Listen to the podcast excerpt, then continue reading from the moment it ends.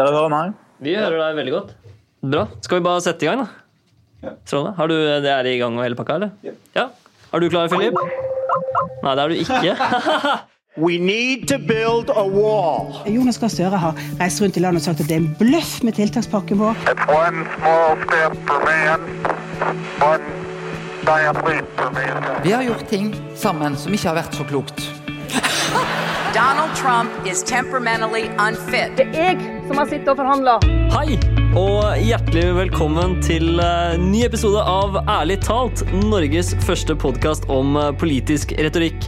Jeg er Simon Stjern, og som vanlig så er jeg på plass i studio her i Oslo. Og hvis alt er som det skal, så har jeg også med meg min USA-korrespondent Philip André Bårøy. Og Philip, er du våken? Ja, jeg er lysende våken også, som vanlig på plass på verandaen med en deilig kopp kaffe og nyter soloppgangen i Georgetown. Og Simon, I dag skal vi fortsette å utforske kunsten å overtale. Det var i hvert fall sånn vi definerte retorikk sist. Ja, Det er eh, mange ulike forståelser av hva det begrepet innebærer, men vi ble vel enige sist og inngikk et kompromiss om å ta utgangspunkt i en sånn klassisk aristotelisk forståelse at eh, det er evnen til å overbevise.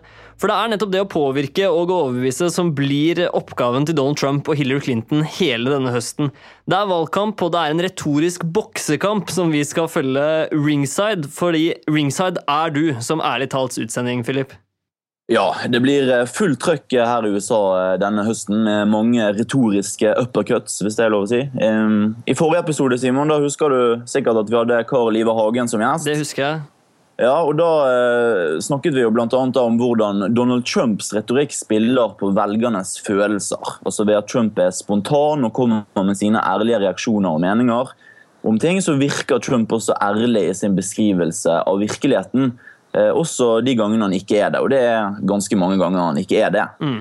Eh, og Ved å bruke mye overdrivelser så ligner språket hans også på våre daglige uformelle samtaler med hverandre. Eh, som gjør at mange amerikanere lettere identifiserer seg med Donald Trump enn med motkandidat eh, Hillary Clinton, som det skal handle om i dag, Simon. Fordi at Mens Trumps retoriske styrke virker å være autentisitet og spontanitet, så er det nettopp dette Hillary Clinton sliter med. Selv om hun nå leder valgkampen klart, så er det sånn at over halvparten, eh, godt over halvparten av amerikanerne sier de rett og slett ikke stoler på henne. Eh, hvor mye av dette skyldes hennes retoriske stil? Har hun eh, begrenset eh, retorisk spillerom fordi hun er kvinne? Dette er spørsmål vi vil ha svar på. Simon. Ja, og Det er en veldig interessant problemstilling. Altså En spørreundersøkelse som kom frem forrige uke, viste jo at over 70 ikke har tillit til eh, Hillary Clinton. Og er det et dilemma knyttet til det vi kan kalle normative forventninger til kvinnelig retorikk? Altså, dette er ting vi skal diskutere i dag, og vi vil veldig gjerne ha svar. Straks så skal vi få med gjesten vår, men før det, la oss høre fra Ærlig talts annonsører. Har du hørt om GoMore, der du kan leie ut bilen din når du ikke bruker den selv? Høres stress ut, syns du? Det synes ikke Stian. Det er jo smertefritt. Det tar fem minutter. Her har du skjema som du fyller ut, og så går vi gjennom bilen og ser hva, om det er noe skade på den. Du får se det, så du føler deg trygg. Signerer, viser med førerkortet ditt bare. Og så skriver vi opp hvor mye bensin som er nå, og kilometerstand, og så er det tut og kjør. Nå tjener Stian flere tusen kroner på bilen sin i måneden. Finn ut hvordan du kan gjøre det samme, eller leie en god og rimelig bil til den neste turen din på gomore.no. OK, god tur. Gjesten vår i dag det er en mann som i mange år har lært bort retoriske knep og triks til bl.a. norske politikere. Han er førstelektor ved Høgskolen Kristiania og stifter av retorikk- og kommunikasjonsselskapet Rett og Ringdal. Kjell Terje Ringdal, fantastisk hyggelig å ha deg her i studio. Hjertelig velkommen til Ærlig talt. Tusen takk skal du ha.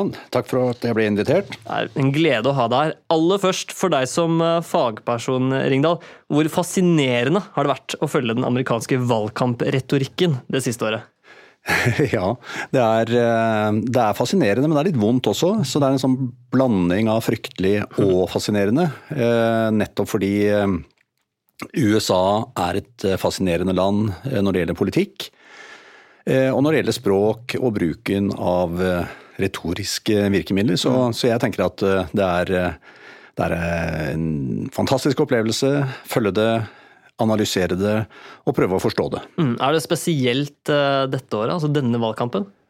Ja, det, Nå har jeg holdt på med dette her i 16 år borte i mm. Washington og New York. Eh, og hvert år så tenker vi nå er det helt spesielt. Ja, dette blir voldsomt spennende nettopp i år, og sånn er det også i år. Det blir fryktelig spennende. Du sier at det gjør vondt. Hva er det som gjør vondt? Ja, det gjør vondt fordi av og til så, så synes jeg at eh, angrepene blir harde, at det blir et veldig spesielt språk, at det blir veldig hatsk. Og eh, jeg er jo ikke veldig glad for kandidaten Trump. Det er interessant, men eh, jeg blir litt eh, trist til sinns også når, når, så mye frustrasjon tydeligvis kommer opp, at man da velger en kandidat som, som i beste fall er spesiell. Syns du vi måtte ta et steg bort fra sakligheten hele tiden, og at det blir mer og mer personorientert? Ja, eh, og det er jo det som er det spesielle da, og interessante med retorikken. At, eh, at språket antar former som er interessante å analysere, mm. men hvor sakligheten, logos, fornuften og alt det som man i hvert fall innimellom skulle ønske seg litt mer av, blir borte. Mm. Og Ringdal, Du kjenner jo godt hvordan det jobbes med valgkampretorikk både i Norge og USA. Og Hvis man ser bort fra de åpenbare forskjellene i dimensjoner mellom oss og USA, hva er typiske forskjeller mellom norsk og amerikansk valgkampretorikk? Ja, jeg blir veldig ofte spurt om hva, hva er forskjellen. Eh, hvem er gode i Norge, hvem er gode i andre land, hvem er gode i Amerika, og hvorfor? Eh, og Forleden så fikk jeg egentlig den store metaforen på å forstå og formidle hva er forskjellen. Og min datter hun, eh, hun er veldig musikalsk. Eh, og hun Jeg stilte henne det store spørsmålet hva er egentlig forskjellen på å bare spille på de hvite tangentene og det å bruke også de sorte? Mm. Og da lo hun litt av meg, men plutselig så forsto jeg det er forskjellen. Fordi hvis man bare spiller på de hvite tangentene, bare melodilinjen, én og én tone, så har vi det som vi kan kalle det norske språket. Veldig saklig, vi hører melodien, og alt er egentlig helt greit. Men den amerikanske tar i bruk flere tangenter, akkorder, trøkker til og skaper et mer livfullt eh, språk. Mm. Kan, du, kan, du, gi et eksempel på det du mener der? ja, altså de står, jo, de står jo egentlig i kø. Altså Den norske retorikken er saklig. Den er fornuftsorientert. Den er faktabasert. Eh, og de fleste norske politikere er ganske flinke eh, og holder et edruelig språk, men innimellom så kan det bli tørt. Og det kan bli et fravær av varme og entusiasme.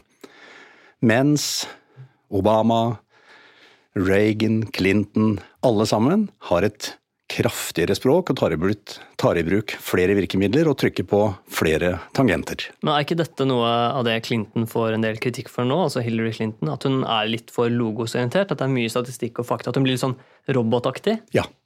Det er, det er hennes problem. Mm. Eh, og i hvert fall i en valgkamp som spiller veldig på følelser.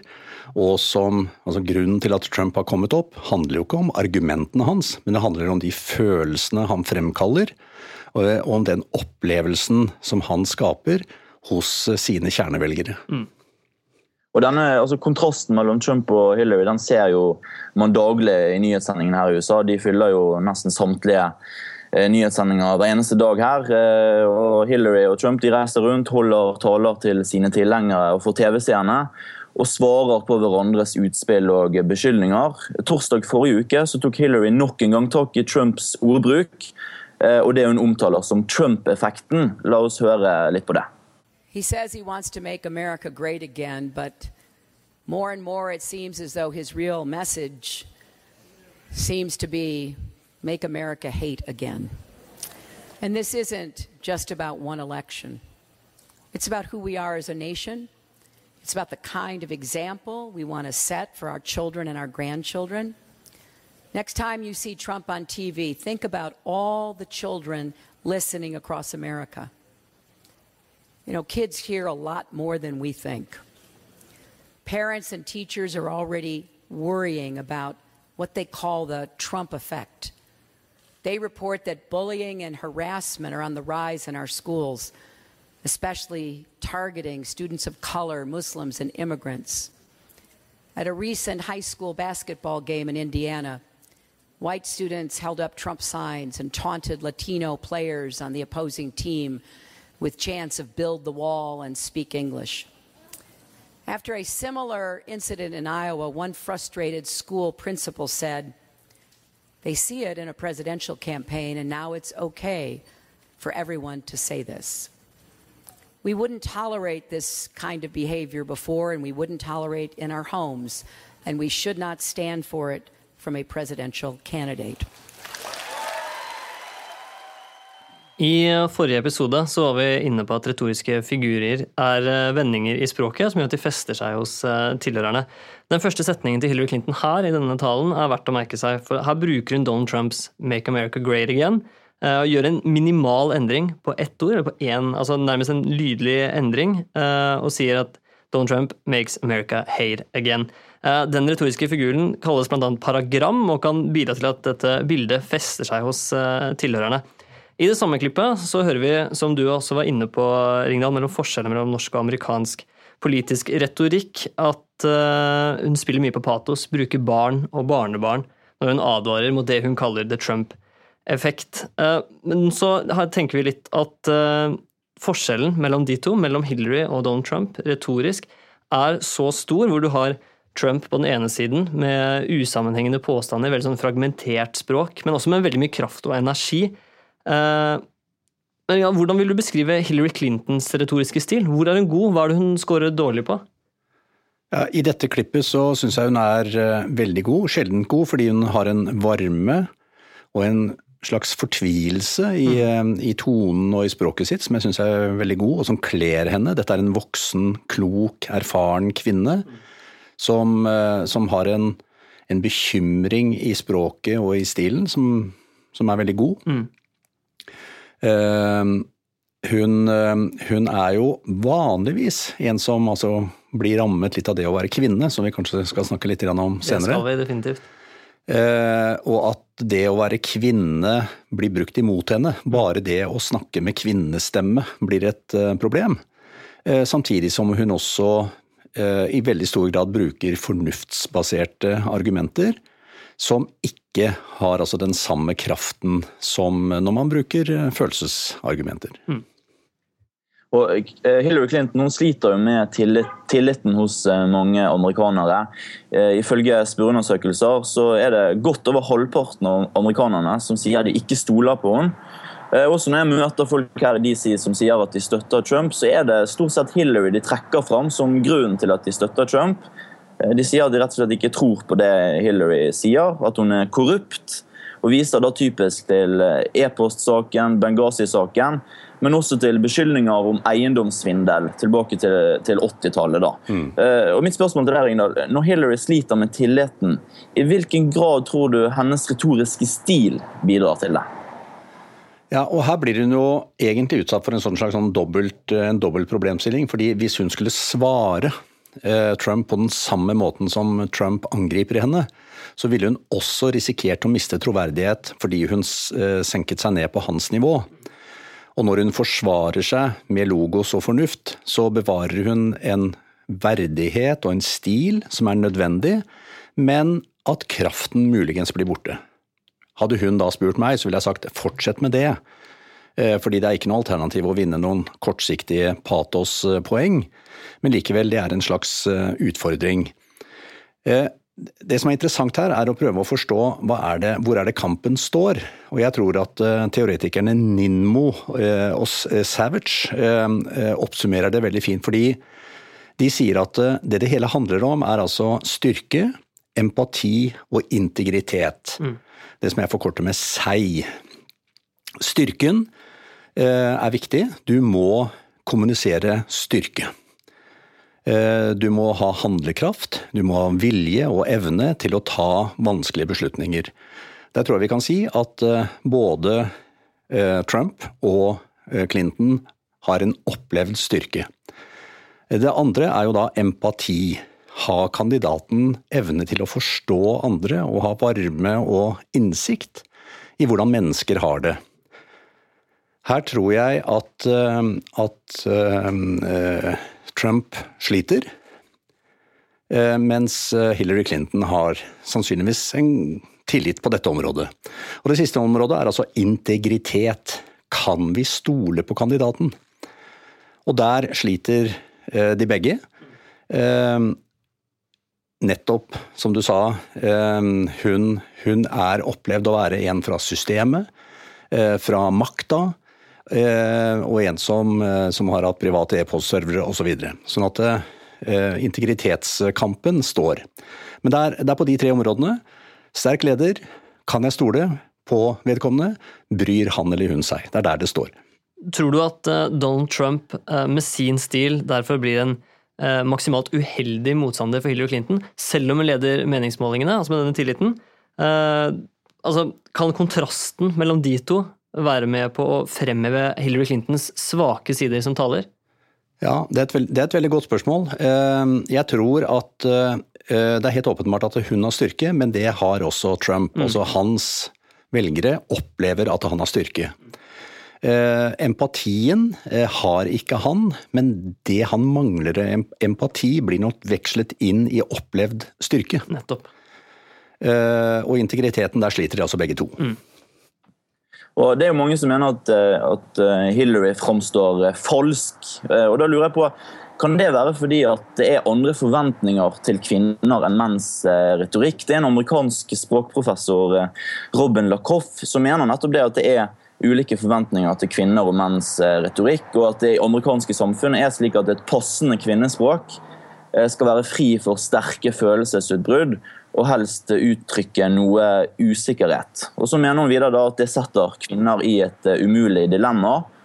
At de enten eh, kan la være å innfri forventningene til et kvinnelig språk, og dermed bli latterliggjort som ufeminine, eller de kan snakke slik det er forventet, men da er konsekvensen at de ikke får ta del i seriøse eh, diskusjoner. Og nå er Lakoffs artikkel som jeg henter etterfra, den er fra 70-tallet, og det er jo veldig mye som har skjedd siden den gang. Men er det likevel sånn at dette kvinnelige dilemmaet som Lacoff lanserer, at det også er Hillarys eh, dilemma, da? Definitivt. Eh, det å være kvinne eh, har en del formkrav i seg, nettopp som da Lakoff og, og, og, du sier, at det man krever varme, omsorg, mykhet, tilstedeværelse, romslighet, tålmodighet, altså alle disse tingene som man da ønsker at kvinnen skal være, kan man altså ikke ha samtidig med at man skal ta store, tunge beslutninger. Og i det øyeblikket man tar store, tunge beslutninger, så blir man opplevd å være maskulin, og kvinner skal altså ikke være maskuline. Så dette er altså ikke bare det er ikke bare en dobbel problemstilling, men sånn dobbel-dobbel. Fordi Man kunne jo da tenke seg at eh, hvis Hillary Clinton var klar over denne problemstillingen, så kunne hun si nei, men da skal jeg begynne å bli myk. Da skal jeg begynne å bli forståelsesfull og tålmodig, og dermed så klapper den andre saksa igjen. Hvor man da sier at hun er jo ikke sterk nok. Hun er altså ikke i stand til å lede landet. Hun er for femi. Så det er ikke lett å være dame. Det jeg tenker på, dette er en mer tydelig problemstilling i USA enn hva det er i Europa. Mm. Altså Her har vi Angela Merkel vi har vår egen Erna Solberg. Og begge de eh, har jo det som Kathleen Hall Jamieson, amerikansk professor, omtaler som sånn logos-retorikk. Altså det vi kan kalle en mer maskulin mm. retorikk. Mm. Men når dette blir en ting i USA, så blir det mye, mye mer tydelig på Hillary Clinton. Ja, og det er vel kanskje det som man kan være litt fortvilt over med USA. At eh, man ligger nok eh, langt etter eh, den norske moderniteten knytta mm. til hvordan vi opplever kvinner. Og at USA fortsatt sliter med et litt, rett og slett et gammeldags syn på, på hvordan kvinner skal være. Mm. Det interessante her er jo Margaret Thatcher, ja. som også er et godt eksempel egentlig på, på hvordan man altså løste kvinneproblemet i USA, mm. nei, i England. Nå begynner også det å bli mange år siden, men jeg tror det er det, er det samme. Margaret Thatcher måtte læres opp til å framstå som kvinne. Mm. Hun lærte seg å la seg avbryte i debatter for å virke mykere og mer feminin. Hun ble med på PR-kampanjer hvor hun stilte opp med Margarets bolleoppskrifter, eh, bolleoppskrifter og, og rødrutete skjørt.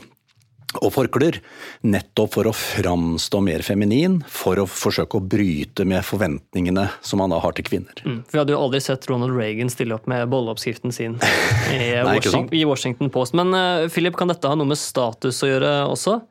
Ja, for det er jo flere som uh, har forsket på dette med feminin og maskulin retorikk. Blant annet uh, professor ved vårt universitet, uh, Anne Krogstad.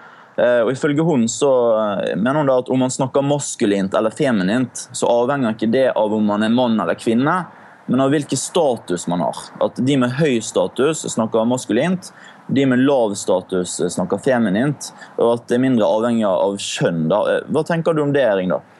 Jeg tenker at det er helt åpenbart eh, riktig. Men det interessante er jo uansett at eh, kjønn er av betydning. Eh, Dukakis, som stilte oss i 1988, er jo et strålende eksempel på hvordan kjønn plutselig ble veldig viktig. Eh, Og det ble jo sagt om Dukakis at han var mann på feil måte. Fordi det å være, det å være for myk, for akademisk, for resonnerende, det fungerer også dårlig for en mann. Eh, han var altså kompetent, smart, men følelsesløs. Og det ble jo sagt om Dukakis at han er kanskje den eneste mannen i verden som kan se på bikiniutgaven av, eh, av, eh, av denne Sports Illustrated? Sports Illustrated. Og være bekymret for hvorvidt badedraktene er brannsikre eller ikke. Helt strålende. Og det siste poenget. Hvis man skal ha med seg en mann i krigen og sitte i skyttergravene, så er Dukakis helt utmerket hvis man skal forske på jorderosjon. altså maskuliniteten var for svak, og femininiteten for drøy. Mm. Altså kjønn kan også bety mye hvis du er mann på feil måte, eller kvinne på feil måte. La, la oss snakke litt om, om debattene som nå nærmer seg eh, med stormskritt. Den første i slutten av september. Eh, Hvordan bør Clinton angripe den første debatten? Bør hun endre retorisk stil på noen måte? Ringdal? Jeg tror nok at en mild overbærenhet eh, er det beste. Eh, Jeg tror nok at hvis jeg skal tro noe og håpe noe, så er det at Trump snakker seg ut selv eh, av posisjonen som president. Eh, Og at det, det å bli med på dette aggressive kjøret vil være feil, både taktisk og politisk, men også eh, sett i lys av det vi nettopp snakket om med, med kjønn. Så jeg tror nok på denne kloke, erfarne kvinnen eh, som kanskje himler lett med øynene over den aggressive hate-retorikken, er det som vil føre fram eh, til slutt. Fordi de som er med på hate-retorikken, de som er igjen av Trumps eh, tilhengere, eh, de tror jeg nok at man ikke kan snakke inn uansett. Så det er bare snakk om å framstå som den kloke og overbærende. Nettopp, for disse debattene nærmer seg, som du sa, Philip, med stormskritt, og de kan jo fort bli utslagsgivende og avgjørende. Vi gleder oss i hvert fall veldig eh, til å følge de med argusøyne her i Ærlig talt. Og som du var inne på, Ringdal, så det jo, kan det jo være mulig at Hillary Clinton endrer seg litt i eh, fremtoning, eh, men det vil jo være veldig viktig å være konsekvent gjennom alle debattene. Som Al Gore fikk eh, smertelig erfare i 2000, da han først gikk knallhardt ut mot eh, George Bush i den første debatten. Fikk kritikk for det. Endre stil til den andre, bli mer passiv. få kritikk for det igjen, og så endre stil nok en gang til den tredje, etter det vi bare kan anta er velmenende råd fra kommunikasjonsrådgivere, og bli knallhard igjen. På bakgrunn av det Al Gore gjør der, så blir eh, Bush Mr. Consistent. Kan Hillary Clinton risikere å ende opp med noe av det samme eh, hvis hun prøver å tilpasse seg Trump? Der kom bussen i Der kom DC. bussen. Der kom bussen i DC, sida. Eh, Det er et veldig godt spørsmål, eh, og det er jo også et uttrykk for eh, dette vanvittige trykket da, som en kandidat blir utsatt for av eh, nære rådgivere som nærmer seg et tosifrede antall.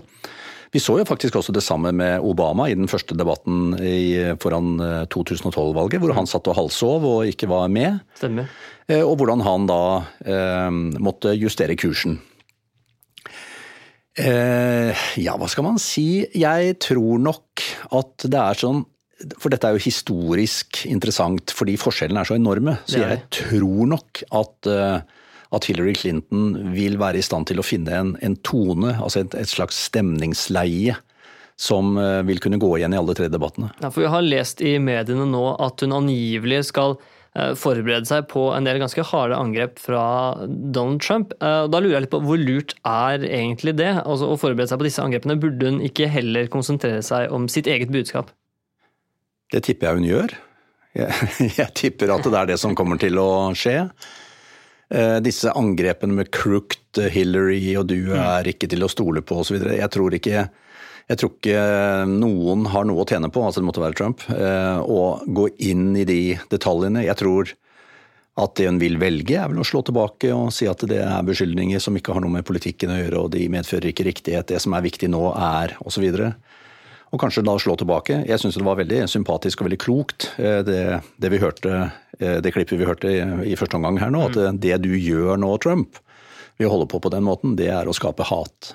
Men samtidig så opplever jo mange eh, av amerikanske borgere at de har blitt ført bak lyset pga. denne e-postskandalen. Kan en beklagelse være en vei å gå?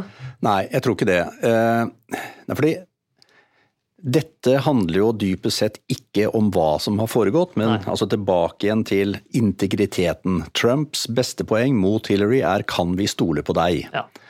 Eh, og om det er e-postskandaler eller, eller andre transaksjoner, så vil det inntrykket ligge der. Eh, og jeg tror at det, der hvor Trump har sine beste poeng, for det, det må vi også da kunne si, at eh, han framstår jo da som en sånn slags strict father. eh, Versus altså det som, eh, som kalles for the nurturant parent. Altså det, denne måten å forstå amerikansk politikk på, er jo da enten så er du republikansk streng far, som er klar, tydelig, streng, eh, konsekvensorientert.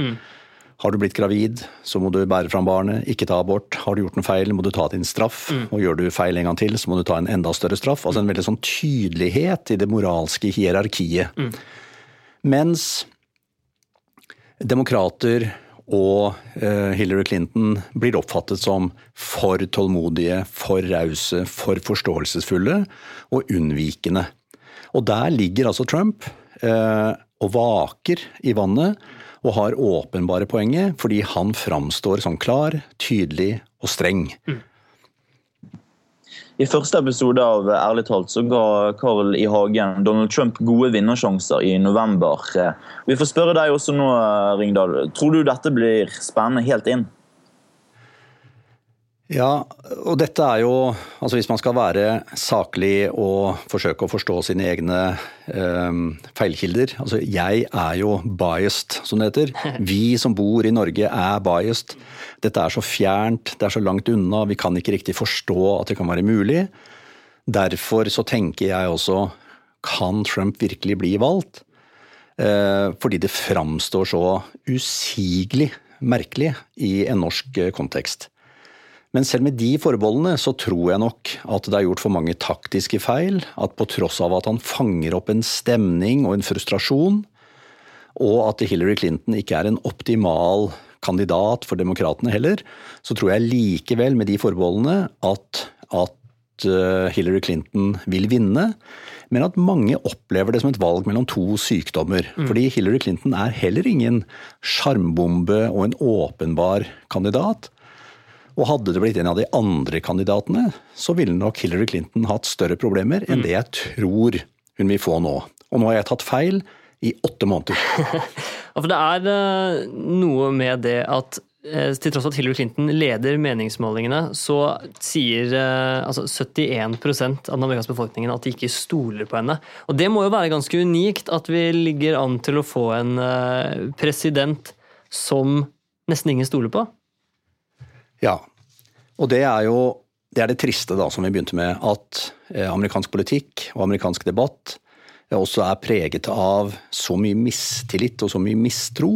Og dette er jo da et problem som skyller over hele verden. Hvor vi har Sverigedemokrater og vi har franske, fransk eh, brune politiske strømninger. Altså Det er frustrasjon over hele den politiske linjen. Altså Velgere er skuffet. Og det er jo det vi ser her også, at eh, det er, det er et oppgjør med politikken.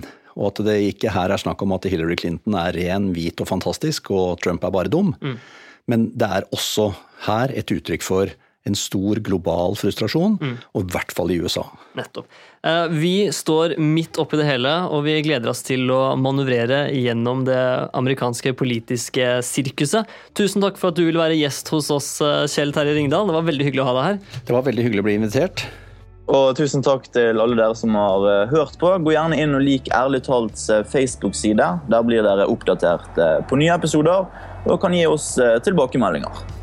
Ærlig talt produseres av eh, Podster. Lydteknikk er det Eivind Arne Jensen Larsen som står for. Vi håper at du også vil høre på neste episode av Ærlig talt.